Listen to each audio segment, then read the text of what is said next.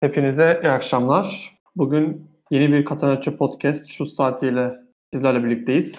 Bugün üç kişiyiz. Geçen hafta Can'la Koç, Erol Ege Koç Kesen buradaydı. Ben de bugün katıldım. Bu sefer üç kişiyiz. Ben Efe, selamlar. Merhabalar, ben de Can. Ben Ege, merhaba.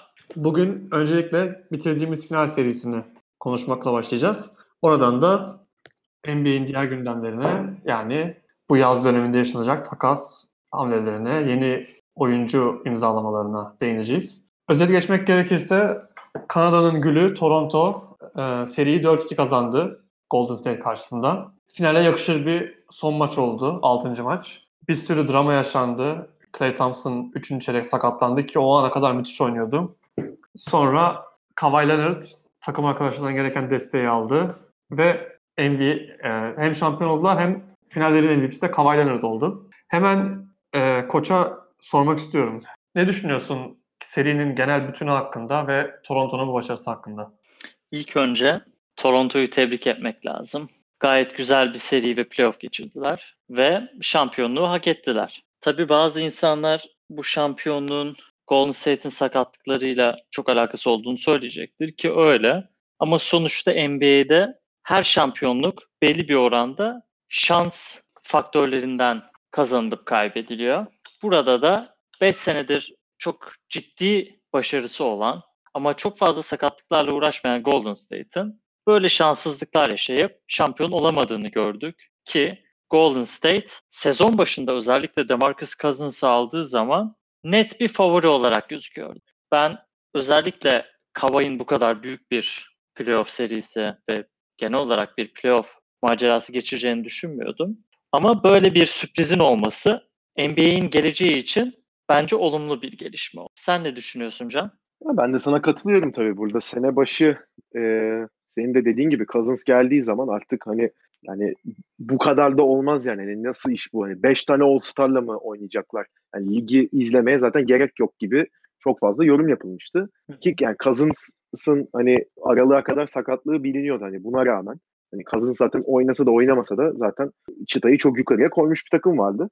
Cousins geldikten sonra da hani çoğu insanın da bir All-Star evet ama hani takımın oyununa adapte olacak mı olmayacak mı öyle soru işaretleri vardı. Ben mesela takımı sabote etmek demeyeyim de yani tahmin edildiği, tahmin edildiği kadar faydalı olacağını düşünmüyordum Cousins'ın. Ki açıkçası bence öyle de oldu. Hani çok ekstra bir şey izlemedik kendisinden. Burada şans faktörü de biraz işin içine girdi tabii finallerde. Toronto bence çok iyi bir basketbol oynadı.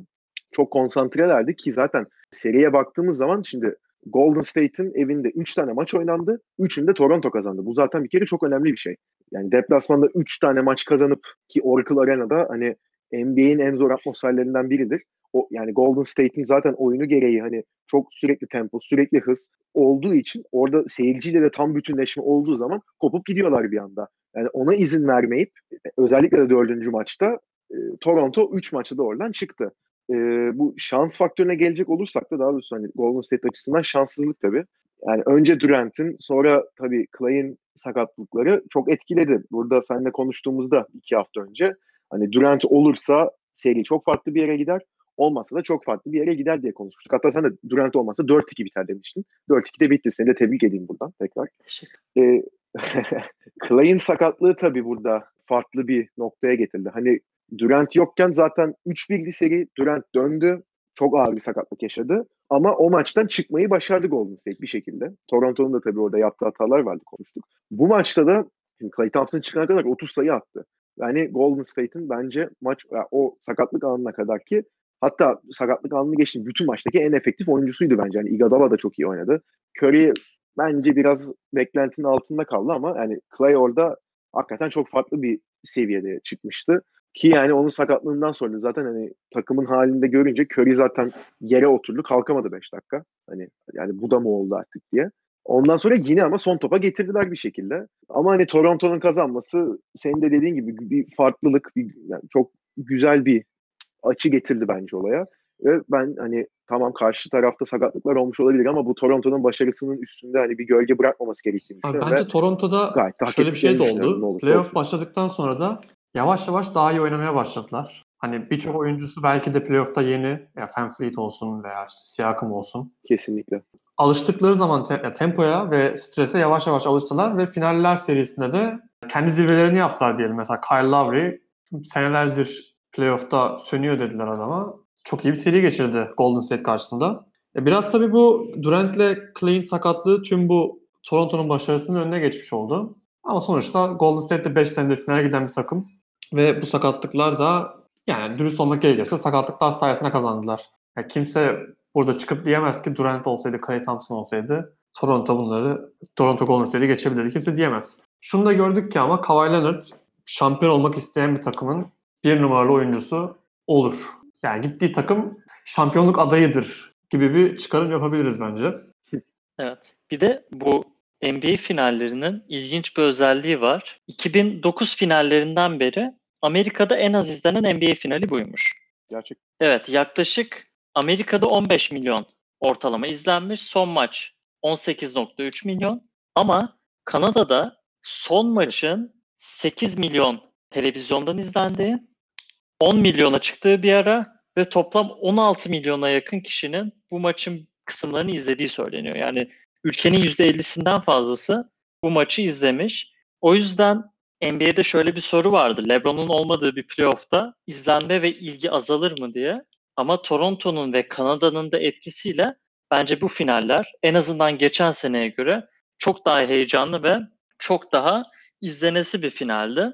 Bunu da görmüş olduk. Yani LeBron eşittir NBA gibi algıların çok da doğruluğu olmadığını gördük. Ama orası kesinlikle öyle ya. Hani tabii ki LeBron'un olması finallerde farklı bir zevkte katıyor. Hı hı. Hani oyuncu profili olsun hani ya bir de gerçekten çok büyük bir isim. Hani artık sporcu kişiliğinin yanında da farklı bir insana dönüştü yani. Çok saygı duyulan ve hani NBA haricinde de o okul projeleri olsun, şu olsun, bu olsun hani çok farklı bir yerde konumlanmış bir kişi. Ama tabii hani Kanada takımının yani Toronto'nun çıkması bunu zaten geçen programda da konuştuk. Resmen bütün ülkeyi arkasına aldı. Hatta Kanada'yı geçtim. Amerika'da da hani Golden State yani o Kaliforniya şeyi haricindeki her taraf resmen Toronto'yu tuttu zaten. Hani onlar da çok farklı bir güç aldılar arkalarına. Ee, ve geçen seneki finalden ben daha zevkli bir final olduğunu düşünüyorum. Geçen sene hani bir tek ilk maçta LeBron hani 51 sayı atmıştı. Ve hani o son topta J.R. Smith saçma sapan bir iş yapmıştı.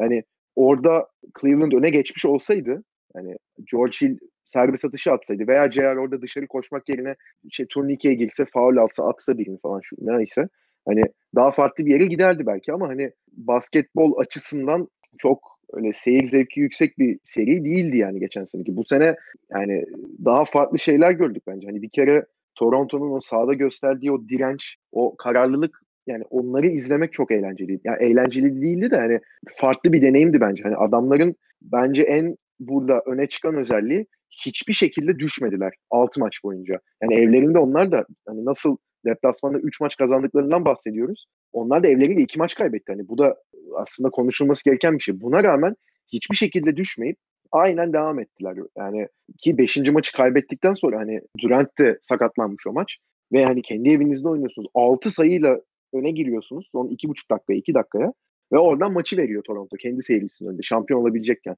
Yani oradan dönüp deplasmanda ne olursa olsun kazanmak yani çok çok büyük iş. Bir de bu rating olayını etkileyen bir faktör daha var. Mesela bir 7. maç olsaydı muhtemelen bu dediğim 18.3 milyon en az bir 24-25 milyon civarında olurdu. Örneğin Tabii canım, e, şu 2016 finallerinin 7. maçı Amerika'da 31 milyon kişi tarafından izlenmiş. Son 10 yılın en çok izlenen NBA maçı. Veya San Antonio Miami 2013'teki 26.3. Yani geçen seneki seri genelde işte 17-18 milyon civarındaymış. Bu böyle biraz yavaş başladı. Hani sonuçta tabii Toronto hani LeBron ağırlığını da bir izleyici çekebilecek bir takım değil. Ama sonlara doğru insanlar özellikle basketbolu sevenler çok daha hani hiç bu kadar bir yakın final herhalde bir 3 senedir görmedik. 2016'dan beri en çekişmeni geçen final buydu. Evet tabii. Yani burada Münih'te yaşıyorum ben yani. Hani burada bile sabah 5'te bir şey devre arasında dışarıya çıktım ben yani bir, en azından bir dolanayım, açılayım hemen uykum gelmesin diye. Hı hı. Yani bayağı açık ışık vardı yani. Hani o saatte Ne işi var? kafayı yemediyse millet. Yani değil mi? Evet. Hani bayağı açık ışık vardı yani kaldığım yerde. Onlar bile izliyordu hani bence izlenilebilirlik açısından senin de dediğin gibi hani gittikçe arttı o şey. E, ratinglerde şunlar. Bir de belki Ya biraz artık bu Golden State'in 5 senedir final yapması ve insanların Golden State'in yenilmesini istemesi. Ben mesela artık Golden State bir bitse artık diye düşündüm ve izledim. Ve bu sonucu da sevindim açıkçası. Sizce bu Golden State'in devri bitti mi diyelim? Veya artık seneye ne yaparlar diye düşünüyorum. Çünkü Klay Thompson zaten imza, imzalanacak veya imzalamayacak. Ve aynı şekilde Durant de. Seneye Golden State ne yapar? Ne düşünüyorsunuz? Şimdi bu yazılanlara, çizilenlere bakılacak olursa Clay kesinlikle kalacak. 5 senelik bir max kontratta gibi duruyor. Belki 4 sene verirler bilemeyeceğim onu. Yani bundan önce 5 senelik max'ı vermezlerse kesinlikle o iş olmaz diyorlardı. Ama bundan sonra belki o tekrar gündeme gelebilir. Çünkü Durant'in aksine takımların bir sene Clay sadece rehabilitasyon yapsın diye para vereceğini düşünmüyorum. Yani o kadar büyük bir yıldız değil. Durant için o riski alırsın ama 3 senelik bir Clay Thompson için o 4 senelik 5 senelik maxlar verilmez. Durant'in durumu birazcık daha karışık ama onun kaldığını varsayarsak ikisi de sezonun çok çok çok büyük bir kısmını kaçıracaklar. Bu durumda Golden State'in çok manevra şansı da yok. Yapabileceği şey çok belli. Sonuçta Draymond olacak, Steph olacak, Iguodala olacak kesin. Ama mesela Kevin Looney free agent, DeMarcus Cousins free agent. Livingston belki emekli olacakmış. O da izlenmesi gereken bir şey. Livingston da şu şartlarda çok fazla bir şey veremediği aşikar. Sadece Steph ve Draymond olan bir takım belki playoff zorlayabilir. Bilmiyorum. Playoff'u belki 7'den 8'den girebilir. Ama ben çok zorlanacaklarını düşünüyorum. Çünkü Steph hiç hayatı boyunca bu kadar büyük bir yükü kendisi taşıması gerekmedi. Bu 2006-2007 civarındaki Kobe Bryant tarzı bir 30 küsür sayı attığı bir sezon ya da geçen seneki Harden gibi bir sezon geçirmezse işleri zor olabilir. E, tabii şimdi Clay ve Durant dönerse playofflara yakın belki bir şeyler olabilir diyor insanlar ama ben en azından seneye için şanslarını zor görüyorum. Yani Clay dönecek de toparlanacak da ritme girecek de Durant belki hiç döner veya dönmez kimse bilmiyor. Büyük olasılıkla Golden State seneye şampiyonluk yarışında önemli bir takım olmayacak. Sonraki seneleri bilemeyeceğim. Ama şöyle bir durum daha var. Eğer Durant ve Clay ikisi de imzalarsa kontrat, Draymond'un takas edilmesi gerekecek. Çünkü onu tutamazlar takımda. Yani 4 tane max kontrat yapamaz. 500 milyon dolar falan vergi vermek istemezler. e, o yüzden Draymond'u takas etmeleri gerekir. Bu da senenin belki ufak bir rebuildimsi bir sene olması anlamına gelebilir. Oyuncuları sakatken belki Curry'i de çok zorlamazlar. Böyle bir genç bir yetenek gelir. Onları biraz rahatlatacak. Sonra sonraki sene herkes sakatlıktan iyi bir şekilde dönmüş olursa belki iyi bir şeyler yapabilirler. Eğer tabii Durant imzalamazsa o zaman Draymond'u göndermezler. Devam ederler onunla. Bu çekirdek o 2015-2016 çekirdeği ne kadar devam edebilirse o kadar gider diye bu takım düşünüyorum. Sen ne düşünüyorsun Can? Yani ben benim de okuduğum ve anladığım kadarıyla Clay kalacak. Durant konusunda yani onun zaten e, oyuncu opsiyonu var ama o opsiyonu kullanmayacağı çok konuşuluyor. Yani, her türlü kontrattan çıkacak yani ilk kalsa da kalmasa da diye. Ben Golden State'in Durant'e de açıkçası bir kontrat önereceğini düşünüyorum. Hani sonuçta onlar şampiyon olsun diye vücudunu risk etti ve e, sakatlandı. Ama yani o tabii eli kolu bağlı duruma düşecekler. Senin de dediğin gibi. Sonuçta tamam hani dört tane beş tane All-Star'ımız olabilir ama bu sene de gördüğümüz gibi hani birkaç tane yan parça da gerekiyor. Hani finalin en kritik yerlerinde yani yedekten Queen Cook ve yani McKinney giriyor. Şimdi bu da bir sıkıntı olduğunu gösteriyor. Hani o kadar sıkıntıya düştüler ki bir yerde hani Avustralya Ligi'ndeydi galiba. Bogut'u geri getirdiler. Evet. Hani rotasyonda hani derinlik açısından zaten sıkıntıları vardı.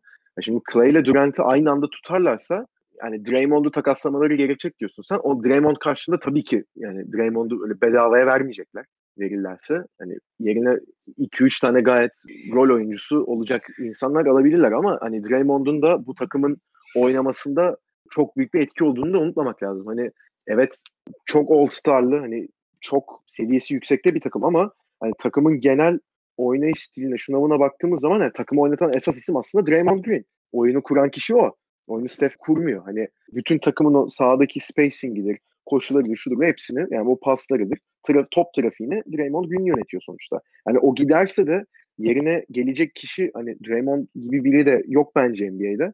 O yüzden her türlü sıkıntı yaşarlar. Seneye ama yani Draymond kalırsa da Durant'le tekrar imzalamadıklarını düşünelim. Orada bence 2-3 tane free agent alırlar. Daha hani e, rol oyuncusu olabilecek şekilde yani o Durant'i kullanacakları kısmı öyle kullanırlar. O durumda yani Clay'in de olmadığı bir senaryoda yani 8 bence 8. olmazlar da 6 belki 5 falan olurlar diyorum yani. Hani sonuçta Draymond ve Curry'nin bütün sezon yüksek bir seviyede oynadığını varsayalım ki Curry sezon içinde gayet iyi oynuyor yani. Hı hı. O zaman yani işte 5'ten 6'dan girerler playoff ama bence hani birinci turun ötesini geçmeleri çok zor ki. Hani sen diyorsun hani dönerler belki falan diye de. Şimdi Clay döner. Clay zaten 6-7 ay yok anladığım kadarıyla da ben Durant'ın açıkçası seneye oynayacağını düşünmüyorum. Yani Golden State'te kalırsa o zaman belki hani playoff'ta birinci tura falan dön yani oynayabilir derler. Belki çıkar bir dener sonra olmaz der oturur. Ama hani başka bir takıma giderse Durant'ın ben seneye hiç oynayacağını düşünmüyorum. Yani öyle bir sıkıntı da var. O yüzden hani playoff'a girseler bile çok da ilerisini görebileceklerini düşünmüyorum. Ya şey denmiş. Durant ve Thompson'a Brian Windhorst ESPN'deki ikisine de max kontrat önermeyi düşünüyorlarmış. Tabii bu ikisini imzalarlarsa seneye toplam 350 milyon dolarlık işte salary artı luxury tax'lik bedel ödemeleri gerekecek. Tamam yeni bir şehre taşınıyorlar, yeni bir arenaya ama yine de bayağı fazla. Çünkü şöyle bir bakıyorum. Steph seneye 40.2 milyon kazanacak. Clay Thompson süper max'ı kaçırdı. O da 5 sene 190 milyonluk normal max'ı alacaktır. E öyle aldığını farz edersek işte 35-36 milyon diyelim ona. 76 oldu. Draymond 18.5, Iguodala 17.2, Livingston eğer emekli olmazsa 7.7 ve Jacob Evans ve Damian Jones da toplam 4 milyon dolar. Yani 110 milyon dolarlara geldi. Durant olmayınmış halim takımın. Durant'i de imzalarlarsa zaten 150 milyon, 160 milyon artık o, o civarları gelirler ki bu takımda işte Cousins, Bogut, Jerebko, Looney, Cook ve Jordan Bell de free agent oluyor. Yani başkalarını da almalı gerekecek takıma. Hepsi minimumdan en az parayı alan adamlar olsa bile çok fazla bir para şey olacak. E zaten 150-160'ın bir de üstüne Draymond'da 30-40 veremezsin. Evet. Benim de 7 kişiyle de başlayamazsın sezona. Evet işte. Benim ben de Efe'nin şu konuda düşüncesini almak istiyorum. Şöyle bir görüş var NBA'de. E, Draymond Green ve Golden State ilişkisi ikisinin de birbirine ihtiyacı olduğu ama eğer Draymond mesela farklı bir takımda oynarsa Golden State'te yaptığı etkinin yanında bile yaklaşamaz gibi düşünceler var. Yani sadece Draymond özel bir oyuncu ama Golden State. Ya şimdi Draymond'u başka hiçbir yerde Bu görmedik. görüşe katılıyor musun? adam akıllı. O yüzden bu görüşü denenmeden tahmin etmek biraz zor. Draymond'un bence Golden State için önemi şuradan kaynaklanıyor. Curry, Clay ve Durant, daha doğrusu Curry ve Clay, diyelim. Çok iyi şutörler olduğu için ve sürekli şut tehditleri olduğu için Curry zaten oyun kurmuyor. Az önce Can demişti galiba. Draymond oyun kuruyor ve bu ona ekstra bir değer katıyor. Savunmada da aynı şekilde Curry sürekli yardım ihtiyacı olduğu için Draymond da savunma işini üstleniyor. Takımın tüm düzeni ve ruhu Draymond'dan geliyor. Ya o konuda katılıyorum. Draymond'u başka bir takımda bu kadar etki yaratabileceğini düşünmüyorum. Şuna gelecek olursak da bence Golden State'in yapması gereken artık Durant'i salmaları. Takımın özü zaten Clay ve Curry'ydi ve, ve Draymond diyelim. Buradan Toronto'ya geçelim bence artık. Toronto'da bir Kawhi Leonard tecrübesi oldu. Sonuçta onlar bir risk aldı ve bu risk başarıyla sonuçlandı. Çünkü kontratında bir sene vardı Kawhi Leonard'ın. Takas yaptılar Spurs'da. DeRozan'ı gönderdiler. Yani aslında Kawhi'nin Toronto'da kontratı bittikten sonra imzalayacağı, imzalamayacağı kesin hiçbir şey yoktu bu konu hakkında. Riski aldılar, şampiyon oldular. Şimdi Kawhi ne yapar sorusu da var. Çünkü bu bir örnek teşkil ediyor diğer oyuncular için. Mesela diyelim Anthony Davis şimdi takas edildi bir yere gitti ve rastgele bir yere gitti diyelim. O sene şampiyon oldular veya çok iyi playoff yaptılar. Orada kalır mı? Tıpkı hani Paul George'un e, Lakers Lakers diye gezip sonra Oklahoma City'de kalması gibi bir durum. Bana kalırsa Kawhi Toronto'da kalır. Artık şampiyon olduktan sonra Hı hı. sırf bir şehrin değil tüm bir ülkenin sevgisini aldı. Kendini ispatladı. Bence halinden de memnun. Şehri de seviyordu. Toronto'da zaten büyük bir şehir. Toronto seneye ne yapar? Aksut. Abi Toronto'da yani adamı hakikaten tapıyorlar ya. Ben hani bir de sosyal medyada da işte Twitter olsun, Reddit olsun oralara da bakıyorum. Yani Toronto'daki o Kawhi şeyi hani manyaklık seviyesine çıkmış durumda. Hani bir Kawhi'len Dine diye bir şey çıkarmışlar. Mesela restoranlar işte bu logoyu asıyor. Kawhi Leonard'ın suratı oldu. Adam gelip oraya istediğini yiyip içip para ödemeden gidiyor. İşte şey haberleri çıktı. Bir tane çok ünlü bir e, emlakçı bunu aramış. Demiş ki hani bir tane ev seç kendine. Hani ne istiyorsan. Hani ben sana onu vereceğim. Hani para vermeyeceksin. Hani burada kal yeter sen. Yeter ki sen kal. Hani o tarz teklifler geldiği de şey yapıyor ve hani senin de dediğin gibi hani şehri geçtim ülke tapıyor şu an adama. Ve yani o da herhalde durumundan memnundur ya. Sonuçta geçen sene San Antonio'dayken yani bu adam oynamıyor. işte şeyle gıcıklaşıyor sürekli. Hem Popovic'le hem takımdaki diğer hani yönetim kademesindekilerle. E, oyunculara ayıp ediyor. E, yok işte kendini çok düşünüyor. Yok işte amcası bunun kafasını karıştırıyor da sürekli başka şeyleri düşünüyor falan gibi bilimum dedikodu çıkmıştı. Hani bunun üstüne Toronto'da ya da gitmesi zaten beklenmiyordu. Hani takasla daha farklı bir yere gideceği düşünüyorduk. Yani o zaman da ayakkabı sözleşmesi imzalayacaktı. O yüzden daha büyük şehir düşünüyor falan gibi konular çok konuşuluyordu. Toronto zaten büyük şehir hani bunu geçti. Ama hani takım olarak sonuçta bilmem kaç senedir hani son bir şekilde geliyor playoff'ta batırıyor. LeBron geliyor 4-0 tokadı vurup gidiyor. Hani hatta LeBron Toya çıkmıştı artık isimleri sonunda yani hani o kadar garip bir yere gelmişti konu. E şimdi oraya gitti sezon başı herkes zaten diyor tamam işte bu yine bir yere kadar gelir. İşte e, Doğu finalinde atıyorum Milwaukee gelir yener, Boston gelir yener. Zaten bir sene hani kiralık gibi olur. Ondan sonra da gider deniyordu ama şimdi kendisinin de playofflardaki yani sezon içi de çok iyi oynadı da playofflardaki oyununa bakıyoruz. Hani Philadelphia serisini bence tek başına aldı. Philadelphia serisinde takım dökülüyordu. Orada o acayip bir karakter koydu. Acayip bir oyun koydu ortaya. Oradan sonra Toronto'da zaten hani onun gücünü alarak yani Kawhi hariç kalan oyuncuların gücünü alarak oyununu daha üst bir seviyeye çıkardı. Ondan sonra önce Milwaukee sonra Golden State 4-2 yenip şampiyon oldular. Oyuncuların seviyesi de yukarı çıktı bence bu süreç içerisinde. Yani Kawhi'nin de burada çok büyük etkisi var. Ama onlar da hani Kawhi ile beraber oynamayı, hani onun o mentalitesine adapte olabilmeyi öğrendiler sonuçta. Ve hani sonuçta şampiyon olmuş bir takım var.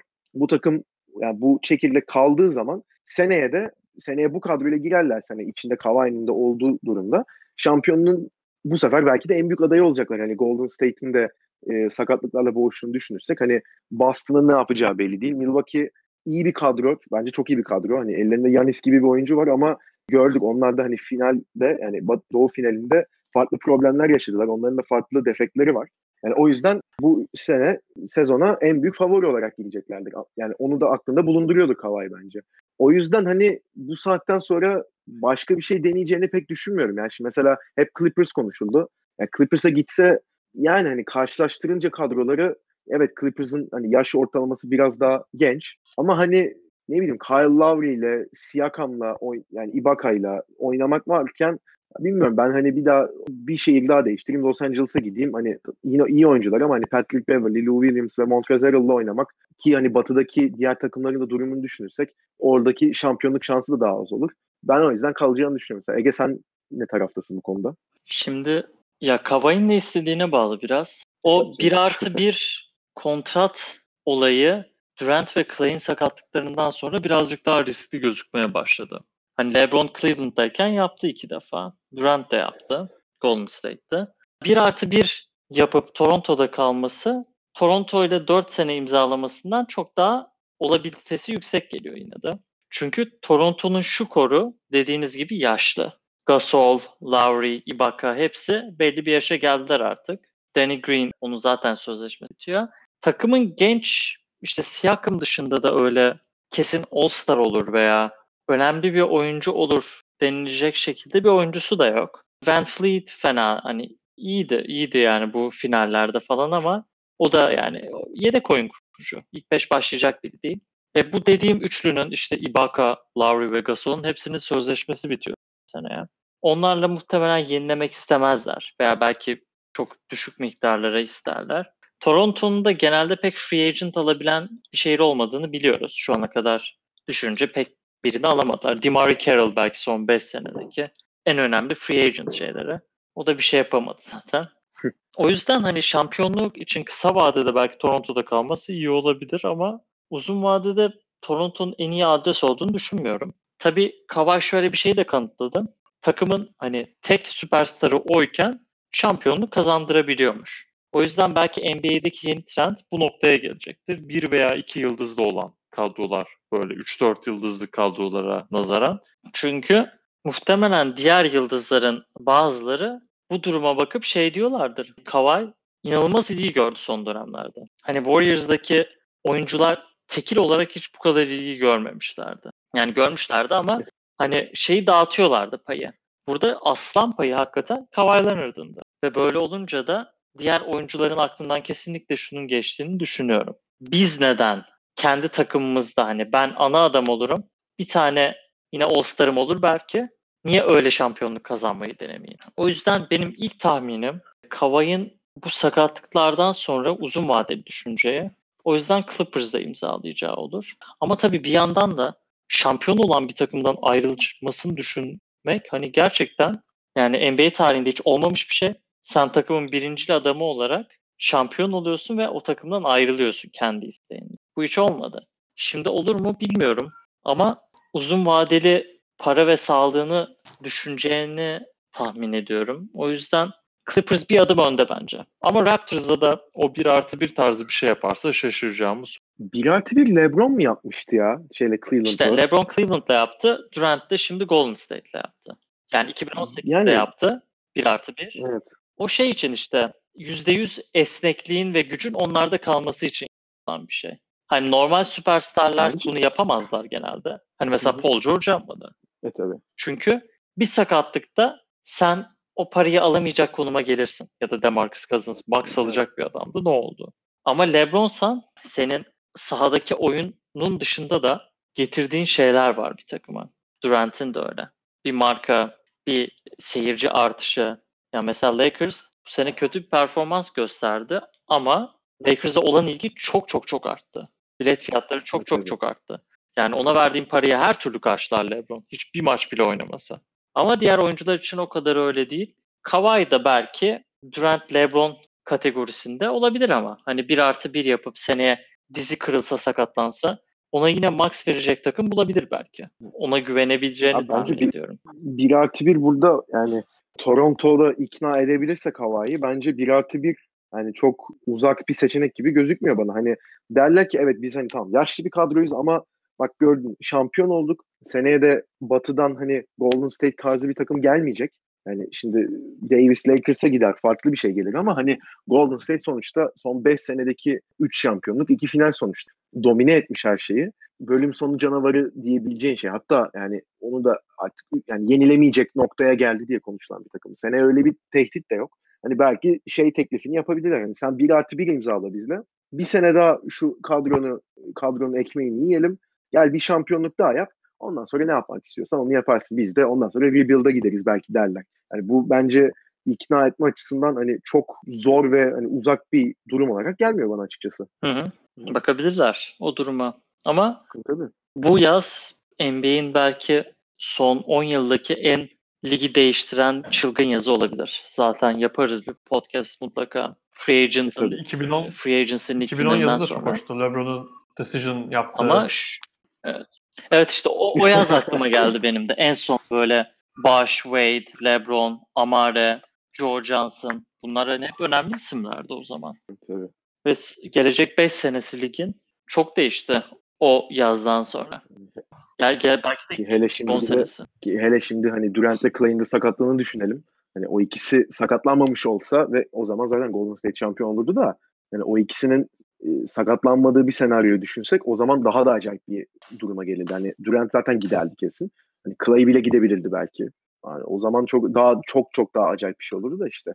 Maalesef ki onlar sakatlandı. Evet yani Clay'in %1 gitme ihtimali varsa şimdi onun da sıfıra yakın olduğunu. Durant ama Kesin kalır o ya artık onu. Durant'te hiçbir şey belli olmaz. O kafasına göre yapıyor her şeyi. Bakalım bir sürpriz gelebilir. Hiç belli olmaz. Peki şimdi buradan o zaman iki tane önemli oyuncunun bu yaz yapabilecekleri şeyleri konuşalım. Bir tanesi Anthony Davis, diğeri de Kyrie Irving. Anthony Davis zaten sezon ortasında menajeriyle beraber bombayı patlattı. Dedi ki ben buradan takas olmak istiyorum New Orleans'dan. Sonra zaten bayağı olay oldu orada. Galiba Davis Lakers'a gidecek. Yani bu sene gitmese seneye her türlü gidecek gibi duruyor. Sizce Lakers için Ingram'ı verip, Kuzma'yı verip, pardon Ingram ve Lonzo'yu verip Davis almak akıllı bir hamle mi yoksa bir sene bekleyip hiçbir şey vermeden imzalamak mı daha akıl, akıllı bir hamle Davis'i? Ben şimdi artık bu şartlar altında hani Golden State'in de sadece Curry ve Draymond Green'le kaldığı bir ortamda Houston'ın iki senedir hatta belki üç senedir talihsiz playoff tecrübesinden sonra Batı'da artık böyle ya bu takım bu sene en iddialı diyebileceğimiz hiçbir şey kalmadı. Hiç kimse kalmadı. Bence bu sene Lakers'ın artık risk alıp LeBron da yaşlanıyor gittikçe artık sakatlanmaya da başlayabilir seneye, sonraki senelerde. Anthony Davis alıp LeBron'a bir fırsat yaratması gerektiğini düşünüyorum. Aynı şekilde Kyrie de New Jersey'ye gidecek gibi duruyor. Boston'daki kimya, kimyasal sorunlar sebebiyle. Siz ne düşünüyorsunuz? Yakışır mı Anthony Davis Lakers'a bu sene yoksa bir sene beklesinler mi? Yani Davis'in bence kesinlikle bu yaz alınması gerekiyor. Çünkü senin dediğin gibi burada en önemli nokta LeBron'un yaşı. LeBron'un 17. sezonu olacak. 17 sezon. Yani adamın artık kilometresi bayağı bir yükseldi. 200-300 bin kilometrelik bir araba gibi. bakıma girdi. Tamam tıkır tıkır bakılıyor. Motoru değiştiriliyor. Evet ama yavaş yavaş teklemeye başladı. Yani artık orasını boyamakla burasını boyamakla eski haline tamamen dönmeyeceği belli oldu. LeBron'un yani prime'ının en iyi yıllarının sonlarında olduğunu biliyoruz. Bunun ne kadar daha devam edeceğini kimse bilemiyor. Çünkü LeBron mesela diyelim seneye bir sakatlık daha geçirdi. Bir aşil koptu, bir bir şey oldu. O zaman bitti. Yani bu seviyeye bir daha çıkma ihtimali olmaz. LeBron'un her saniyesi, her maçı, her sezonu çok değerli Lakers için ve ona artık harcayacak lüksleri kalmadı. Sonuçta Miami'deyken, Cleveland'dayken e, takımlar diyebiliyorlardı daha genç diye. Yani daha bu adam en az 5 sene iyi oynar. Lakers'ın artık acele etmesi gerek. Çünkü geçen yaz da biz kesin birini alırız küstahlığıyla girdi. Sonra kimseyi alamayıp bir de üzerine bütün takımı saçma sapan tiplerle doldurdular. Rondo, JaVale McGee, Michael Beasley, Lance Stevenson.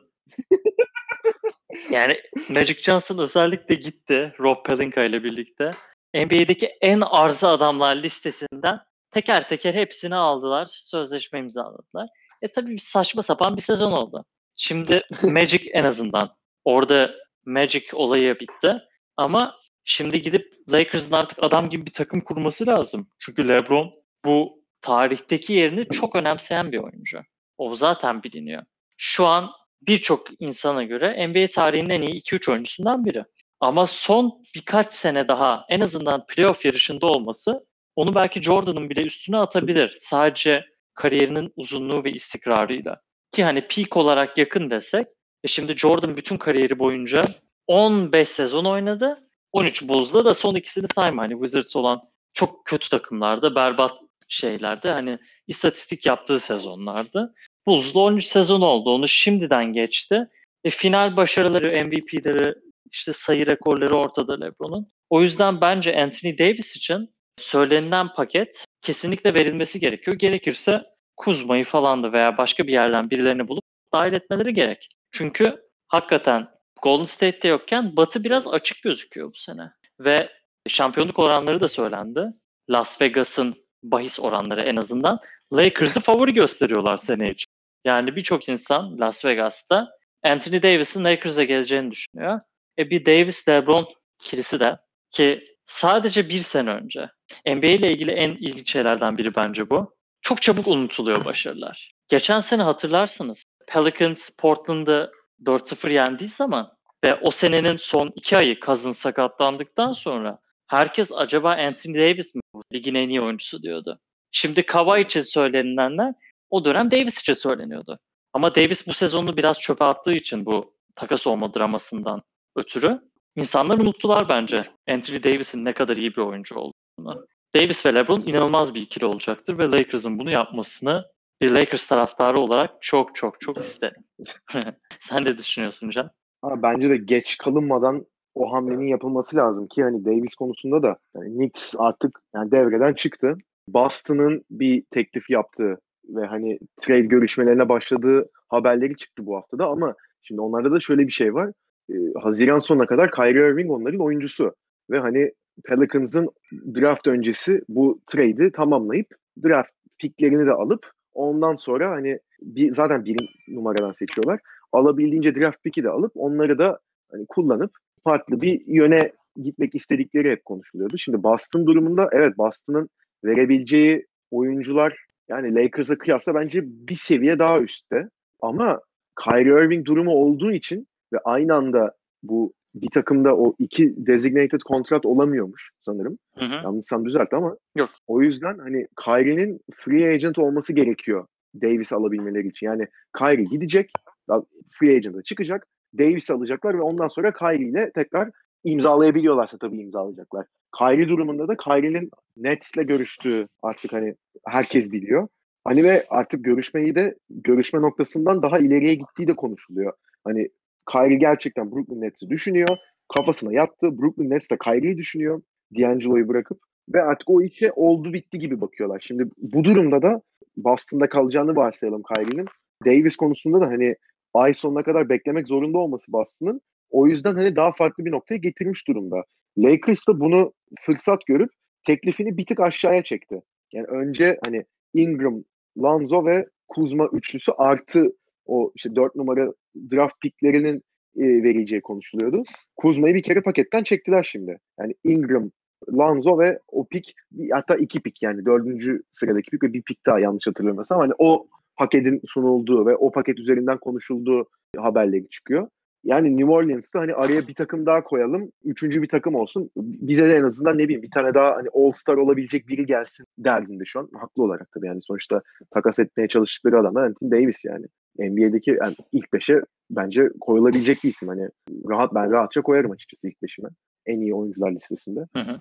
Lakers açısından da yani şey riskine girmemeleri lazım. Şimdi Paul George konusunda mesela hani Paul George gitti şeye dediler ki tamam zaten bir sene Oklahoma bunu kiraladı. Seneye zaten biz de rahatız modunda gezdiler.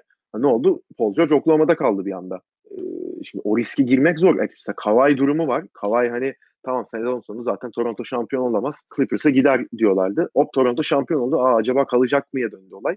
O yüzden hani Lakers'ın bir daha hani tamam nereye gidiyorsa gitsin bir sene oynasın zaten bir sene sonra bizle imzalayacak riskine gireceğini açıkçası düş, düşünmüyorum. Hı hı. Ve o yüzden hani bir şekilde o trade paketini ayarlayıp karşı tarafı da kabul ettireceğini düşünüyorum. Şimdi Davis geldikten sonra da Golden State durumu da ortadayken hani Houston bütün oyuncularını Harden hariç takası açık hale getirmiş. E, Oklahoma zaten hani ben Russell Westbrook'un olduğu bir takımın hiçbir şekilde bir şampiyonluk şansı olduğunu düşünmüyorum açıkçası hiçbir zaman. Oklahoma'nın durumu belli değil. Oklahoma çıkıp şampiyon da olabilir tabii. Hani bir anda inanılmaz bir seviyeye çıkıp ama çok kapalı kutu onlarda. Bir iyiler bir kötüler.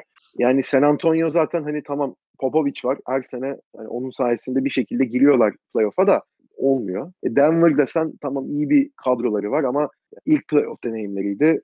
Onda da zorlandılar. E Portland şampiyon olabilecek bir takım değil. Şimdi böyle bir o, çevreye dönüşmüşken Batı Konferansı Lakers o Davis takasıyla yani LeBron Davis ve yanına doğru düzgün parçalar koyarak bu sefer hani Brezilya pembe dizisi şeklinde olmayacak bir takım hallederek Hı hı. bence şampiyonun hakikaten en büyük favorisi olurlar o, o durumda. O yüzden yani ellerini çok çabuk tutmaları gerektiğini düşünüyorum ben. Evet. Şimdi benim size birkaç sorum var. Bu yayını kapatmadan önce. Böyle biraz eğlenceli bir format. Hı. İlk sorum. Steph Curry'nin bu finallerden sonra ki durumu şöyle. 5 şampiyon, 5 final, 3 şampiyonluk, 2 MVP, işte birçok kez All-Star falan filan. Steph Curry'nin bu finallerden sonra tarihteki yer açısından nasıl bir durumda olduğunu düşünüyorum. Mesela ilk 50'dir, ilk 30'dur, ilk 20'dir. Bir Abi tahmininiz var mı? Steph Curry'nin olayı Bir düşünceniz. şöyle ki NBA tarihinin en büyük şutörü gelmiş geçmiş olması. Bence bu konuyu kimse tartışmıyor zaten. Bu durum onun bütün genel oyuncular arasındaki pozisyonundan çok daha değerli. Ve hani daha çok bu konuşulacak mesela. Kimse şey demeyecek hani en iyi 20 oyuncu. Steph Curry işte şu yıllarda oynadı en iyi 20 oyuncu diyerek kimse bu adamı hatırlamayacak. Bu adam hep ne diye hatırlanacak? E, işte gelmiş gitmiş en büyük şutör diye hatırlanacak. Hı hı. Sorun bence doğru bir soru. Ben ilk, ilk 20 gibi söyleyeyim. Yani 6 kez All-Star, 6 kere All-NBA, 2016'da sayı kralı, steal kralı, 3 kez şampiyon, 5 kez final. Yani oyun kurucular için de en azından genelde Magic Johnson birinci sıraya koyulur. Sonrası ama birazcık daha tartışılır bir bölgedir. e, Isaiah Thomas, Detroit Pistons'ın efsane oyun kurucusu. Önemli görülür. Oscar Robertson sayılırsa oyun kurucu olarak. O genelde önemli bir yerde görülür. İşte Ked Nash tarzı oyuncuların zaten üstünde gibi geliyor bana Curry.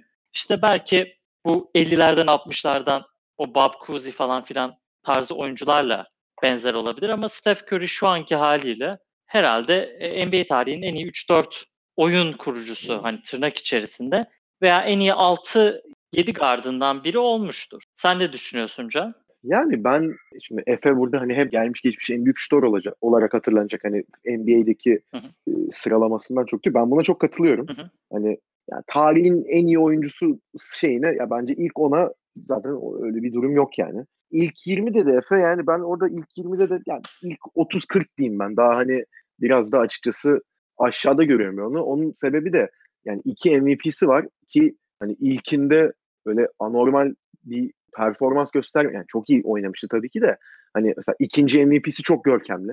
Vura vura almıştı o MVP ama ilki hani inanılmaz rakamların olduğu bir şey değildi açıkçası. Yani ve hani şöyle bir durum da var. Şimdi Steph Curry normal sezonu ne kadar iyi geçirirse geçirsin ki hani acayip insanüstü performansları da var maçlarda hani üçlük rekoru kırması olsun sonra Clay tekrar kırdı o başka bir şey de yani attığı sayılar üçlüğün hani NBA'deki yerini nasıl bir farklı yere getirdiği olsun ve hani Golden State'in ne olursa olsun bu oyun yapısı evet Draymond kuruyor oyunu dedik ama hani Curry sayesindedir. Yani Curry'nin tehdidi, üçlük tehdidi bence şu ana kadar yani gelmiş geçmiş bir takımdaki en büyük tehditlerden bence ilk üçe girer. Hani Jordan'ın oyun stili, o, o yırtıcılığı o bu bir numaradır bence. Shaq'in dominasyonu hani o Hı hı. güçlülüğü hiç, yani hiçbir şekilde tutulamayacak bir durumda olması. Adam için kural geldi yani NBA'de kural değişti. Hani böyle bir durum varken iki numara olur. Bence üç numaralı Steph'in üçlük tehdididir. Çünkü Evet. yani öyle bir tehdit yarattı ki hani bu adam önünde iki kişi de üç kişi de dursa üçlük çizgisinin beş adım da gerisinde olsa atar bu topu şeklinde bir tehdide dönüştü olay bir yerden sonra. Ve atıyor da. Ama işte sezon içi daha çok yaptı bunları. Hani playofflarda evet iyi performansları var. Bu sene de mesela 40, 47 sayı attığı maç var. Ama yani o finaller olsun, playoff'taki inişli çıkışlı performansı olsun onu bence bir tık olması gereken yerden biraz daha geriye atıyor. Ama en başta dediğim gibi Efe de söyledi bunu. Hani tarihin en büyük şutörü olarak hep anımsanacak bence. Ve hani çok da önemli bir yere sahip olacak her zaman. Ya benim ben de işte Curry'nin o 20-30 bölümünde olduğunu düşünüyorum. Ama Curry ile ilgili en büyük problemlerim biri her büyük oyuncunun böyle bir maçı vardır. Hep hatırlandığı bir maç. LeBron'un birkaç tane var. Jordan'ın birkaç tane var. Kobe'nin önemli maçları var. Yani playoff'lardan bahsediyorum. Hani Steph Curry'nin şimdi şöyle kariyerine dönüp baktığımız zaman en iyi maçı belki de bu 47 sayı attığı final maçı kaybettikleri. Ama şimdi pek de kaybedilen maçlara bakılmaz. O biraz benim için biraz soru işareti yaratıyor. Çünkü LeBron'un belki hatırlıyorsunuzdur. Celtics'e karşı 2012 playofflarında efsane bir maçı vardı. Detroit Pistons'a karşı O 2007'de zaten şey olması Murat lazım. Muratanoğlu Murat Evet, finale çıktı. ünlü İşte son yok artık LeBron 15 James lafının sayılar. çıktığı şey o maç. Evet, evet işte evet. Jordan'ın zaten 6 üçlük attığı Kaç ilk, ilk yarıda o öyle bir maçı var. Mesela Durant'in de Flu game var. Evet, flu game'i var. Son maçı var Buz'la. Hı. de çok enteresan bir şekilde birkaç tane finallerde özellikle 2017 finallerinde çok sağlam LeBron'u bitirdiği maçlar oldu. Hatta Clay'in bile Üçüncü maç. evet hatta Clay'in bile Curry'den daha bilindik bir playoff maçı var. O meşhur Oklahoma City 2016 6. maçı The Clay Game. 41 sayı Aynen. Game attı. 6 Clay değil mi? Aynen. 41 sayı attı 11 üçlükte. Yani Curry gibi bir oyuncunun böyle inanılmaz bir performansının olmaması hep enteresan gelmiştir bana. Buradan bir soru daha sorup bitireceğim. Şimdi Tabii. Stephen A. Smith dün veya önceki gün Stephen Curry ile ilgili işte tartışma yapılıyordu o sırada. Eski NBA oyuncularından da birileri vardı. Galiba Jalen Rose'du ama emin değilim. Stephen A. Smith dedi ki finalde bir maç kazanmak istesem yani o maçı kazanmam gerekiyorsa bana Steph Curry'nin yerine Allen Iverson'ı verin. Düşünceleriniz. Tek maç. Maçı kazanmanız gerekiyor. Ben tercih Allen Iverson'ı tercih ederim Steph Curry'e. iddialı bir laf. Stephen A. Smith'e yakışacak bir laf. Abi konu hakkında şunu düşünüyorum. Konu kaç? hakkında ne düşünüyorsun? Yıllardan kaç yani? Biraz o önemli. Çünkü Stephen Curry NBA'yi yani? değiştirmiş bir adam. Bu üçlük. Ha yok şey yani benim anladığım peak Iverson'ı yani 2001'deki Iverson'ı şu anki bir playoff maçında bile tercih ederim gibi bir sözdü. Yani 2001 Iverson'ı 2019 veya 2016 neyse ben etmem. fark etmez Curry'nin peak'ine Ben göre. peak Curry'i Iverson'a tercih ederim. Iverson da tabii çok büyük oyuncu ama Ya da daha doğrusu bu 6. maçta o maçı kazandıracak adam Iverson'da gibi bir düşüncesi vardı. Bana ilginç geldi. Bayağı bir düşündüm. Hani sadece Yani 6. mesela- maçta belki Iverson'ın özellikleri daha uyuyordu böyle bir maç için. Tabii ki kimse Iverson'ın Curry'den daha iyi bir oyuncu olduğunu söyleyemez ama Iverson'ın da belli bir mental bir etkisi vardı bence. Onu da şey yapmamak lazım. Yani bayağı bir düşündüm. Tam Abi bir karara şey açıkçası- yapamadım. Abi açıkçası ben de Iverson'ı seçerdim ya. Şimdi hani sen demin şeyden bahsettin ya. Hani e, her oyuncunun yani bu tarihte belli bir yere sahip her oyuncunun playoff'ta veya finallerde bir maçı yani en azından bir tane hatırlanan maçı oluyor. Yani o oyuncuya özel. Yani Iverson'ın o finale çıktıkları sene deplasmanda aldığı maç mesela. Hani onun herhalde kariyerinin en görkemli anıdır. E, 2001 Ki- birinci maçı diyorsun finallerde. Birinci maçı aynen. O şey Tyronn Lue'nun üstünden şut atıp sonra üstünden yürümesi o Evet, maç. evet. Yani o hatta o hareket NBA'in yani tarihinin gelmiş geçmiş en acayip hareketlerinden biri olarak da hani şu da şeyde YouTube'a girsek hani en klas 10 NBA hareketi diye yazsak herhalde çıkan her videoda ilk üçte falandır bu. Yani o hareket. Ve hani o sene mesela Iverson'ın yaptığı da hani şimdi Golden State'le kıyaslandığı zaman yani yanında hakikaten vasat kalacak bir kadro vardı Iverson'ın elinde ve o kadroyu sonuçta finale taşımış. Ve ilk maçta da yani e, herkesi şaşırtıp maçı resmen tek başına almış bir oyuncu. Evet seri 4-1 kaybettiler sonra evet ama hani orada adam hani yapacak bir şey de yok. Yani geri, karşısında da yani Prime'ındaki Shaq'le Kobe var. Karşıdaki kadro da çok iyi. Yani onların zaten kazanması sürpriz değildi ama gidip yani Lakers'ın sahasında onları 44-45 sayı atmıştı yanlış hatırlamıyorsam.